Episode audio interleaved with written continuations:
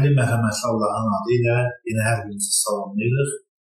Bugünkü görüşümüzdə də bu Allah bizi xeyir qalsın ki, biz onun sözünü yenə araşdıraraq öyrənək. Bugünkü mövzumuz belə adlanır: Allahın iradəsinə görə doğulmuş. Və istərdim ki, əvvəldə belə bir hekayə ilə siz tanış edeyim. Bir təzə ailə qurmuş ər-arvad xəstəxanadan çıxırlar. Onlar bir neçə dəqiqə əvvəl Uzi aparatından övladlarının kim olacağı barədə maraqlanırlar, oğlan və yaxud qız. Və onlar oradan çıxandan sonra qərara gəlirlər ki, gəlin indi uşağımıza ad qoyaq. Amma hansı adı qoyaq, biraz bu barədə mübahisə etməyə başlar. Onlar Allaha inanan ailə olduqlarına görə peyğəmbərlərin adlarını barədə fikirləşməyə başladılar. Ana təklif edir ki, gəl İbrahim peyğəmbərin adını qoyaq. Ata isə razılaşmır deyir, o uşağımızın üstünə böyük bir məsuliyyət qoymuş. Onda ata deyir ki, bəs onda gəl İsaqın adını qoyaq. Ana razılaşmır deyir ki, bu ad xoşuma gəlmir. Onda e, ana təklif edir ki, gəl onda biz İsmail adını qoyaq. Və beləcə onlar ə, e, mübahisə edirlər. Gah Məhəmməd adı deyirlər, gah İsa, gah Daniel, Adəm, Nuh və belə adlar üzərində mübahisə aparırlar, gəlirlər evə. Qərara gələ bilmir. Qohumlar qoşulur bu işə. Onlar da başlayırlar hərəsi öz tərəfindən bir ad təklif etməyə. Onların təklif elədiyi ad isə o biri qohumların xoşuna gəlmir və beləcə mübahisə gedir. Sonda nəhayət doğulacaq uşağın atası hamını sakitləşdirir, deyir və deyir ki, kaş ki bizim uşağımızın adını Allah verərdi. Onda mənim ürəyim rahat olardı ki, bu Allah tərəfindən. Çünki biz bir qərara gələ bilmirik. Və vaxt keçir, uşaq doğulana qədər həm qohumlar, həm ata-ana arasında uşağa nə veriləcək adın üstündə mübahisə getməyə davam edir. Və uşaq doğulan gün ata doğum evinə gəlir və məlum olur ki, onun qızı olur. Və beləcə onların mübahisəsi də dayanır o vaxtda. Nəyə görə bu hekayə danışıldı? Çünki e, biz bilirik ki, qədim dövrlərdə də bir çox peyğəmbərlərin adları xüsusi olaraq verilirdi. Hətta Allahın bir neçə elçisi, peyğəmbəri var idi ki, onların adını Allah özü vermişdi. Bu çox ə, e, vacibdir, çünki adın hələ dünyaya o uşağın dünyaya gəlməmişdən qabaq adın verilməsi belə sayda adamların ə, sayı çox azdır. Yəni xüsusi olaraq Allah onları özü adlandırır, onların adı necə olacaqdır. Və onların valideynləri də uşağına necə ad verməli lazım olduğu barədə düşünmürlər Çünki əvvəlcədən onların adı Allah tərəfindən səsləndirilir. Bu gün amma görək ki, belə bir şəxs barədə danışacağıq. Kimə ki Allah əvvəlcədən ad vermişdi. Onun adı bu gün dünyanın hər yerində səslənir. Gün doğandan gün batana qədər hamı onun adını eşidir. Onun haqqında nəsə məlumatı var. Onun adı haqqında mübahisə gedir. Bəziləri ona həqiqi olmayan insan kimi baxır, onun bir əfsanə olduğunu qeyd edir. Bəziləri onun böyük şəxsiyyət olduğu haqqında deyir. Amma o şəxsiyyətin doğulması bizim tarixi iki yerə bölür. Onun doğulmasından əvvəl və onun doğulmasından sonra. Bu şəxs hər birinizin tanıdığı İsa əl-Məsihdir. Bu gün biz İsa Məsih haqqında danışacağıq. Onun kim olduğunu biz öyrənəcəyik. Çünki İsa'nı başqalarından fərqləndirən cəhət var idi. Bu cəhət nə idi? Biz bu gün bu haqqda danışacağıq. Ola bilərmi ki, insanlar onun haqqında hansısa bir fəlsəfə müəllimi kimi və yaxud hansısa bir müəllim kimi baxırlar. Onun etdiyi əməllər sayəsində, onun göstərdiyi möcüzələr sayəsində onu müxtəlif adlar da verənlər var idi. Bəs İsa özü doğrudan kimdir? Gəlin baxaq görək bu haqqda bizə İncildə hansı məlumatı verir. Luka müjdəsində 24-cü surədə 25-dən 27-yə qədər biz oxuyuruq. Onda İsa onlara dedi: Ey ağılsızlar və peyğəmbərlərin əvvəlcədən xəbər verdiklərinə inanmaq üçün ürəyində ləngiyənlər. Sonra Musa ilə bütün peyğəmbərlərdən başlayaraq müqəddəs yazıların hamısında özü haqqında olanları onlara izah etdi. Və biz görürük ki, İsa əvvəlcədən özü haqqında məlumatları öz şagirdlərinə çatdırmağa başladı. Allah çünki ona ad verdi. Hətta bir deyil, bir neçə ad ona verir və İsa Məsihin bütün həyatı müqəddəs kitablarda əvvəlcədən xəbər verilmişdi. Çünki dünyaya gəldiyi andan etibarən onun həyatı Allahın əlamətləri və möcüzələri ilə dolu idi. Bu yeganə şəxsdir ki, onun həyatında bu qədər möcüzənin biz şahid oluruq. İsa Məsihin doğulması haqqında hansı peyğəmbərlik verilmişdi və bu peyğəmbərlik necə həyata keçdi? Onun doğulmasında qeyri-adi cəhət nə idi? Biz indi gəlin baxaq buna. Məryəm surəsində 19-cu ayədə yazılır. Cəbrail dedi: "Mən sənə ancaq təmiz bir oğlan bağışlamaq üçün Rəbbinin elçisiyəm. Mən sənə ancaq təmiz bir oğlan bağışlamaq üçün Rəbbinin elçisiyəm" dedi. İşaya peyğəmbərdə 7-ci surədə 14-cü ayədə yazır. Buna görə də Xudavənd özü sizə işarə verəcək. Budur, bakirə qız hamilə olub oğlan doğacaq. Adını İmanuel qoyacaq. İmanuel də İsa Məsihin adlarından biridir. Biz dedik ki, onun bir neçə adı var idi. Onun möcüzəvi şəkildə doğulması e, bu hadisədən 600 il əvvəl xəbər verilmişdi. Görür ki, Yeşaya peyğəmbər İsa doğulmamışdan 600 əvvəl onun bakirə qızdan doğulacağı barədə məlumat verir. Və Məryəm surəsində oxuyuruq 20-ci ayədə Məryəm dedi: "Mənim necə oğlum ola bilər ki, mənə indiyənədək bir insan əli belə toxunmamışdı. Mən zinakar da deyiləm. Mən zinakar da deyiləm." İncildə Mattanın müjdəsində biz bu hadisəni belə oxuyuruq. 1-ci surədə 18-dən 21-ə qədər yazılır. İsa Məsihin doğulması belə oldu. Anası Məryəm Yusifə nişanlanmışdı. Amma birlikdə olmaqlarından əvvəl Məryəmin müqəddəs ruhdan hamilə olduğu aşkar oldu. Onun nişanlısı Yusif salih bir adam idi və Məryəmi cəmaət arasında rüsvay etməmək üçün gizlicə boşanmaq istəyirdi. Amma belə düşündüyü halda Rəbbin bir mələyi röyada ona görünüb dedi: "Davud oğlu Yusif, Məryəmi özünə arvad etməkdən qorxma. Çünki onun bətnindəki körpə müqəddəs ruhdandır. Məryəm bir oğul doğacaq və onun adını İsa qoyacaqsan. Çünki o öz xalqını günahlarından xilas edəcək.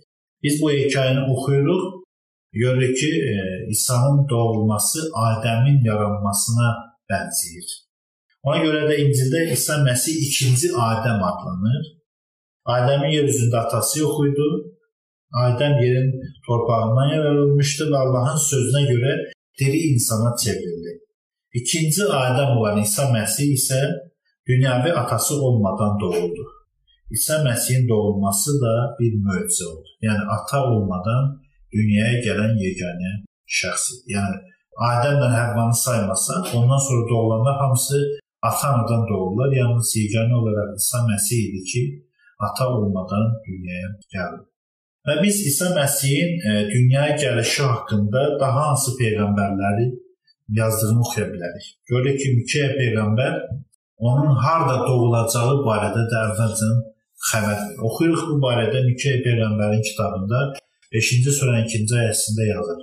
Rəbb deyir: "Ey Beytlexem Efrata, sən Yahuda nəsillərinin kiçiyi olsan da, mənim üçün İsrail üzərində hökmdar səndən çıxacaq. Onun nəsli çox qədimlərə, zamanın başlanğıcına gedir. Məmməddarda 2-ci surənin 1-ci ayəsində biz oxuyuruq.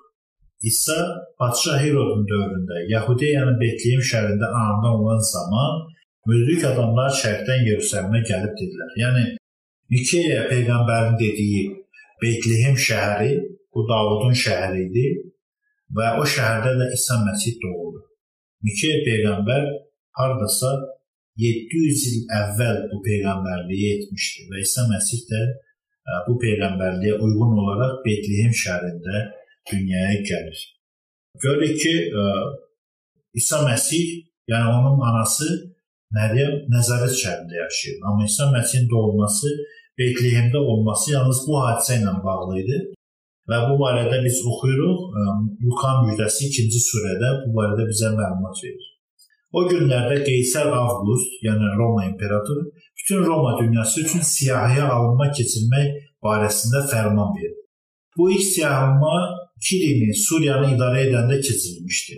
Hamı qeydiyyatdan keçmək üçün öz soy kökü olan şəhərə yollandı. Yusif də Davudun əsl nəslindən olduğundan görə Qalileyanın nəzarət şəhərindən çıxıb Davudun şəhəri olan Betlehemə yollandı. Yəni peyğəmbərlik beləcə həyata keçdi. Yəni İsa'nın doğulması Nəzarətdə yox, Betlehemdə baş verdi. Onlar orada olarkən Məryəmin doğuş vaxtı çatdı. O ilk oğlunu doğdu və bələdi. Məryəm körpəni axıra qoydu. Çünki qonaq evində onlara yer tapılmadı. Görürük ki, bu peyğəmbərlik öz yerinə yetdi. Və İsa Məsih necə bir qüdrətə malik idi? Onun hansı gücü var idi? Oxuyuruq Alimran surəsində 49-cu ayədə. Və o İsrail övladlarına peyğəmbər göndərəcək. Mən həqiqətən Rəbbinizdən sizə möcüzə gətirmişəm. Sizin üçün palçıqdan quşa bənzər bir surət düzəldib onu üfürərəm. O da Allahın izni ilə quş olar. Anadan gəlmə korları, cüzam xəstəliyinə tutulanları sağaldar. Allahın izni ilə ölüləri dirildərəm. Mən evlərinizdə yediyiniz və yığıb saxladığınız şeyləri də sizə xəbər verirəm. Əgər möminsinizsə, bunda bir dəlil vardır. Görək İsa Məsihin elədiyi möcüzələr həqiqətən bu çoxdur. Həddən artıq çoxdur. İncildə Həvarilərin işləri kitabının 10-cu surədə 38-ci ayədə biz oxuyuruq. Allah nəzarətli İsa'nı müqəddəs ruhla və qüdrətlə məhs etdi. İsa xeyirxahlıq edərək hər yanı gəzib, iblisin təzyiqinə məruz qalanların hamısına şəfa verdi. Çünki Allah ona yar idi. Bu İncildən oxuyuruq bu sözləri ki, həqiqətən İsa Məsih bu şəfanı verirdi. Çünki bunu Allahın köməyi ilə, yəni o kömək verən kim idi? Allah özüdür. Və Quran-ı Kərimdə biz oxuyuruq e, Bəqərə surəsində 253-cü ayədə bu sözlər yazılır. Bu peyğəmbərlərin bəzisini digərindən üstün etdik. Allah bunlardan bəzisi ilə danışmış, bəzisinin isə dərəcələrini yüksəltmişdir. Məryəm oğlu İsa'ya açıq möcüzələr verdik və onu müqəddəs ruhla qüvvətləndirdik. Əgər Allah istəsəydi, bu peyğəmbərlərin ardınca gələn insanlar Onlar göndərilən aşkar dəlillərdən sonra biri-biri ilə vuruşmazlar. Fəqət ixtilafa düşdülər. Onlarda bəziləri iman gətirdi, bəziləri isə kafir oldular. Əgər Allah istəsəydi, onlar biri-biri ilə vuruşmazdılar. Lakin Allah öz istədiyini edər. Allah öz istədiyini edər. Yəni Allaha mümkün olmayan şey yoxdur. Və İsa Məsih hansı məqsədlə yer üzünə gəlmişdi? Biz görürük ki, xüsusi olaraq İsa Məsih xüsusi onun planı var idi, yəni onun yer üzünə gəlmək. Luka müjdəsində bir, bir ayəni oxuyalım. Bütün izdiham İsa'ya toxunmağa çalışırdı. Çünki ondan çıxan güc hamısını sağaldırdı. İsa'nın birinci gəlişi məqsədi insanlara şəfa vermək isə, amma o xidmət eləməyə gəlmişdi. Oxuyuruq Matta müjdəsində 20-ci surədə 28-ci ayədə yazır. Çünki bəşər oğlu gəlmədi ki, ona xidmət etsinlər. Gəldi ki, özü xidmət etsin. Çox insan, çox insanı satın almaq üçün öz canını fidyə verməyə gəldi. Çox insanı satın almaq üçün öz canını fidyə verməyə gəldi. Onun bütün həyatı, dediyi hər bir söz, etdiyi hər bir əməl Allahın iradəsinə uyğun idi. Bir dəfə İsa Allaha səcdə etmək üçün məbədə gəlir. Onu dəvət edirlər ki, Yeşay peyğəmbərin kitabından bir hissəni oxusun. O da müqəddəs kitab e, o vaxt olan tumarı açır və bu sözləri oxuyur. Və e, Luka müjdəsində 4-cü surədə yazır. Ona Yeşaya peyğəmbərin kitabını verdilər. İsa kitabı açıb bu sözlər yazılan hissəni tapdı. Rəbbin ruhu üzərimdədir. Çünki fəqirlərə müjdəni bildirmək üçün o məni məhs etdi. Əsirlərə azadlıq elan etmək, körlərə gözlərin açılmasını elan etmək, məzlumları sərbəstliyə buraxmaq, Rəbbin lütfini bəyan etmək üçün məni göndərdi. İsa Məsihin gəlişinin məqsədi burada sadadır. Sonra o məbəddə toplaşanlara deyir: Eşitdiyiniz bu yazı bu gün yerinə yetir. İsa Məsih özü gəlişi barədə xəbərdarlığı göstərir. Çünki Allah İsa Məsihi öz ruhu ilə möhkəmləndirmişdi. Bu məhz ruh idi. Yəni xüsusi bir xidmətə həsr olunma ruhu. Ona görə də İsa'ya Məsih deyilirdi. Ərəb sözü olan Məsih, Yahudi sözü olan Maşiyah və Yunan sözü olan Xristos eyni mənanı daşıyır. Yəni müqəddəs kitablarda bu sözlər yazılır.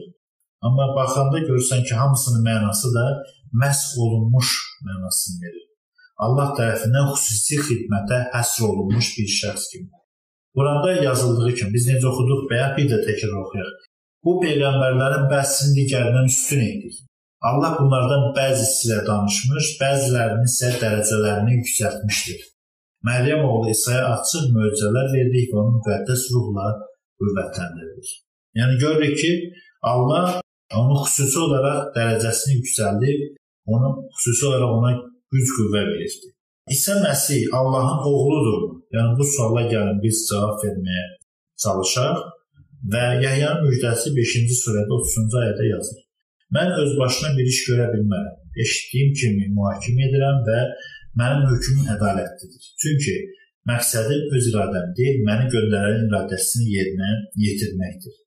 Beləcə isə onlara dedi, doğrusunu doğrusunu sizə deyirəm. Oğul atanın nə işlər etdiyini görməsə, öz başına bir şey etməz. Çünki ata nə iş görürsə, oğul da o işi görər. Bu ayə e, bir çox insanlar tərəfindən qəbul olunmur və deyirlər ki, Allahın oğlu ola bilməz. Doğrudan da bu sözlə biz də razıyıq. Burada isə Məsih özünü Allahın oğlu, yəni e, Allah isə özünü səmavi atası adlandırır. Oğlun ta ataya tabe olduğu kimi İsa da öz həyatını Allaha etibar etdiyini göstərir. Nə vaxt ki, Cəbrayil mələk gəlir Məryəmin yanına və onun oğlu olacağı barədə müjdə xəbərini verəndə, onu əmin eləyir ki, bu artıq Allahın qərar verdiyi bir addımdır. Bu Allahın planı idi. Həmin planda Allah həm də öz qulu İsa Məsih özünün oğlu elan edərək, özünün oğlu elan edərək, başqa sözlərlə ona bu statusu verir, bu adı verir, oğul adını verir. Çünki Luka müjdəsində biz oxuyuruq bu ayəni. O böyük olacaq və haqq tavanın oğlu adlanacaq. Rəbb Allah ona atası Davudun taxtını verəcək. İsa'nın atasının adı Davud deyil, biz bilirik. Amma görürük ki, burada yazır ki, onun atası Davudun taxtını verəcək və haqq tava onu oğlu adlandıracaq. E, bu bizi biraz çaşdırır. Çox insanlar bununla razılaşa bilmirlər. Amma burada heç bir ziddiyyət yoxdur. Məsələ bundadır ki, Ərəb dilində oğul kimi tərcümə olunan iki söz var. Vələd və ibn sözü. Vələd sözü ərəbcədən vələdə sözündən götürülür. Mənası doğmaq və yaxud nəsil törətmək mənasını verir. Ona görə də vələd sözü hərfi mənada oğlun fiziki cəhətdən doğulması demək. Yəni vələd sözü deyəndə fiziki oğul nəzərdə tutulur.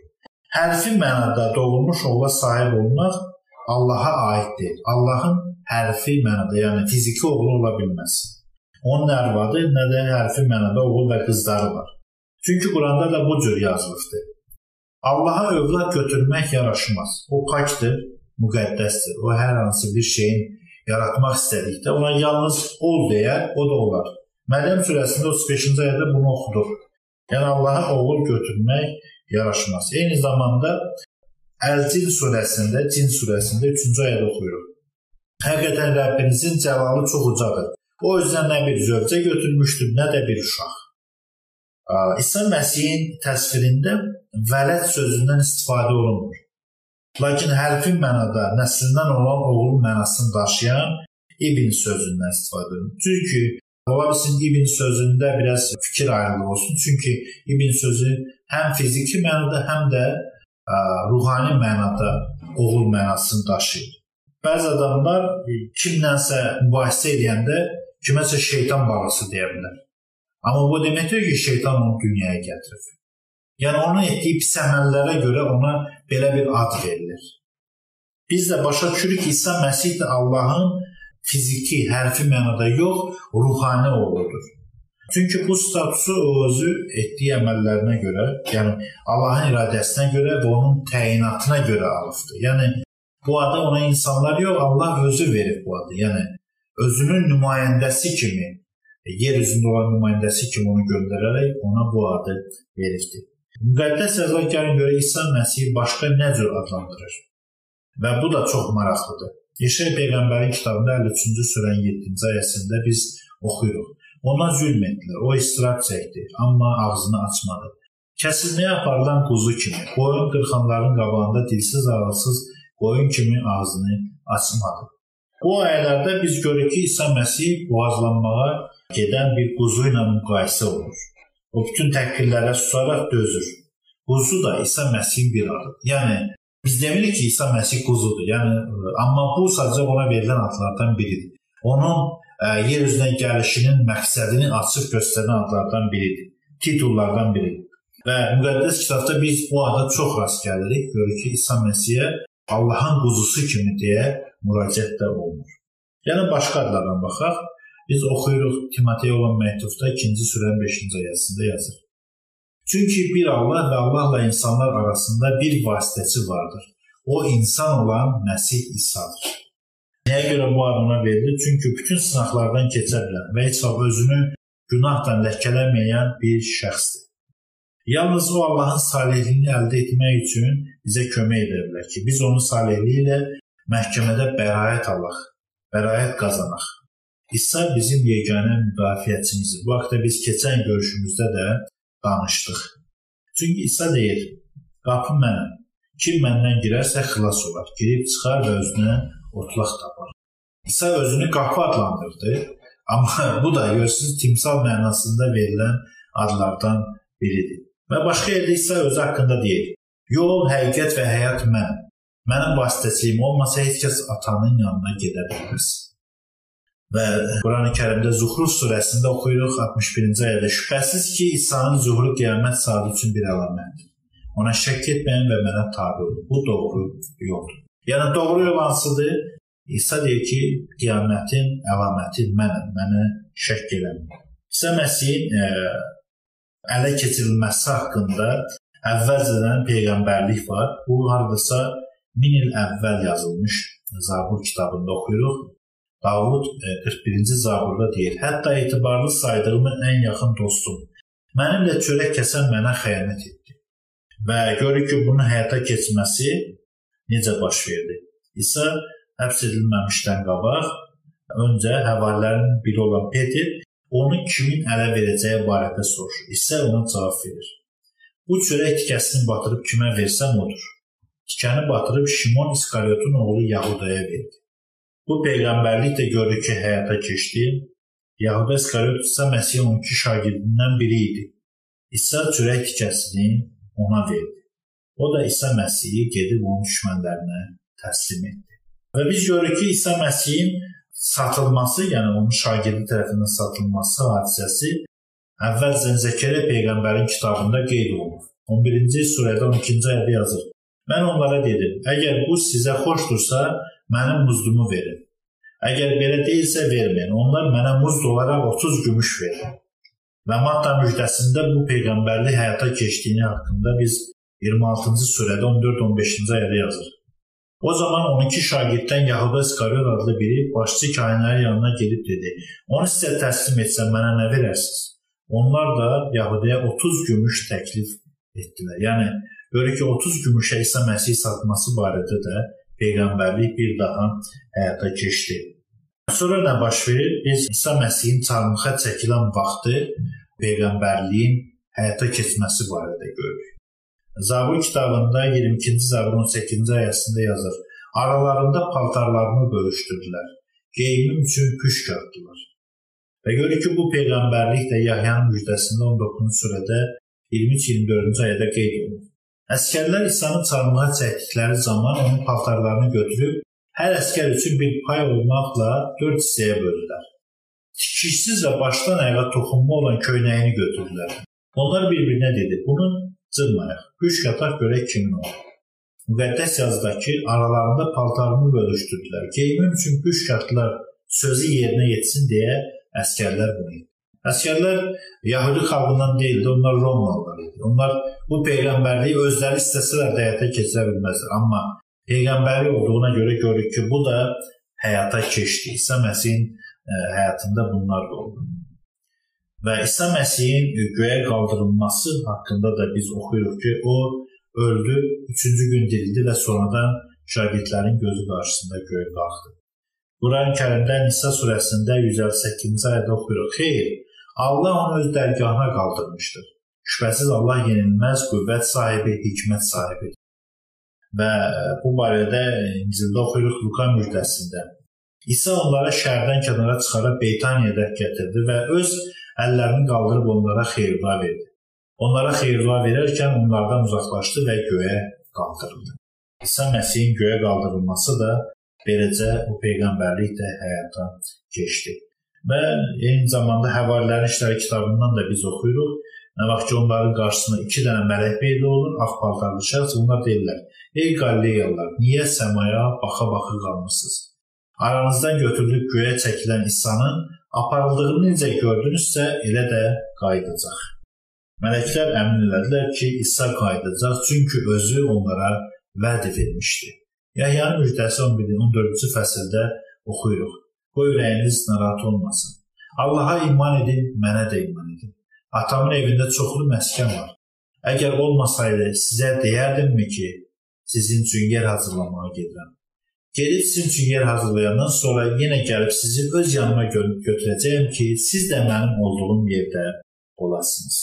Bu gün Allahın əvvəlcədən təyin etdiyi o gün gələcək. İsa yer üzünə ikinci dəfə qayıdacaq. Lakin o artıq Allahın təyin etdiyi hakim kimi geri dönəcək. Ona görə ki, hər bir insan Allahın məhkəməsi önünə çıxsın. Zuhruf surəsində 63-cü ayəni bir daha oxuyaq. İsa açıq-aşkar möcüzələrlə gəldiyi zaman dedi: "Həqiqətən mən sizə hikmət gətirmişəm. Həm də ixtilafda olduğunuz bəzi şeyləri izah etmək üçün gəlmişəm. Allahdan qorxun və mənə itaət edin." İsa Məsihin doğulması, ölümü və dirilməsi bu Allahın iradəsinin yerinə yetməsidir. Çünki Allah əvvəlcədən bu planı qurmuşdur. Elə indi də siz onun dirilişinə, onun ikinci gəlişinə inana bilərsiniz və onu inamla qəbul edə bilərsiniz. Və bunda da qoy Allah hər birinizi xeyir olasın. Amin.